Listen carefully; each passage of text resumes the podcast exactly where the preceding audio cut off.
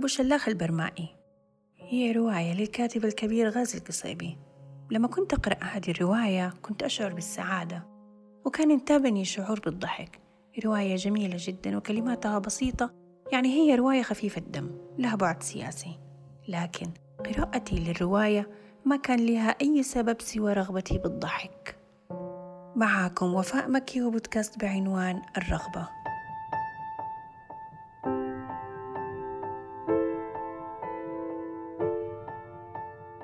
هل تتوقعوا إنه في شيء غريب يتحكم فينا كأشخاص أو يتحكم في الإنسان؟ بالفعل في شيء واحد لو فقده الإنسان فقد الحياة فقد اللذة في كل شيء. أصبح غريب في المجتمع. من الممكن إنه الناس ينظروا له على إنه شخص يحتاج إلى علاج أو يكون شخص غير مرغوب في المجموعة لأنه سبب أساسي في فشل المجموعة.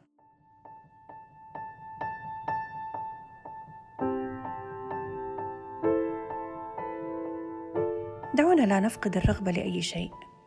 بمعنى السقف الأعلى للرغبة هو الحياة. يندرج تحته كل شيء لما أقول كل شيء أقصد كل شيء. الرغبة شعور يسبق كل حاجة من حاجات الإنسان من الحاجات اليومية البسيطة إلى الحاجات المعقدة. من أبسطها الرغبة في النوم بعمق إلى الرغبة في التطور. في النهاية كلها رغبات تحقق السعادة بأي شكل كانت.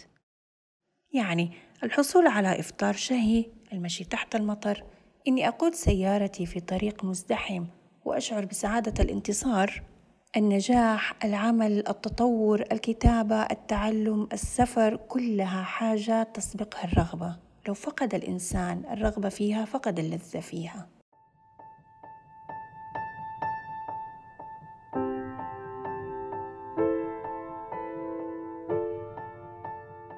دعونا نتأمل يوم كامل ونلاحظ أفعالنا.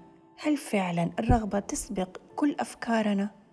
كون إنه لديك رغبة هذا ليس دليل على سلامة الروح. اللص كانت لديه رغبة. أيضا هتلر كانت لديه رغبة. في النهاية أنت المسؤول عن نوع هذا الميول. لكن ما هو المحرك والدافع؟ أو بمعنى كيف تولد الرغبة وكيف تختفي؟ هل هي شيء فطري يولد مع الوليد؟ منذ الولادة وبداية رحلة البحث عن الغذاء هل هي رغبة في البقاء أو هي هرمون يرتفع وينخفض حسب قوة الحاجة للشيء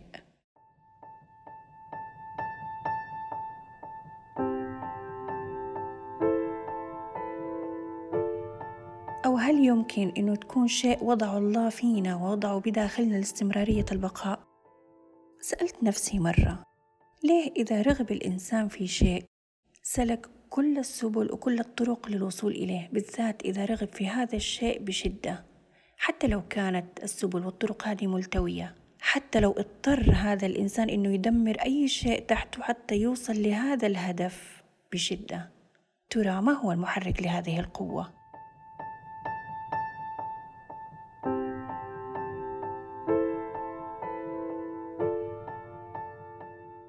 لو افترضنا أو قلنا الآن إنه كل شخص يعطينا تعريف أو مفهوم لمعنى الرغبة حنلاقي عشرات الأفكار بل مئات التعاريف.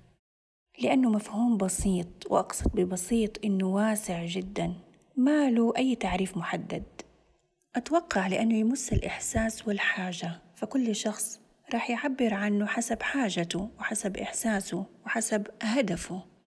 في رأيي إن الرغبة هذه تكمن قوتها في تأنيث الكلمة. في النهاية أتمنى تشاركوا البودكاست لكل من لديه رغبة في الاستماع. دمتم بود.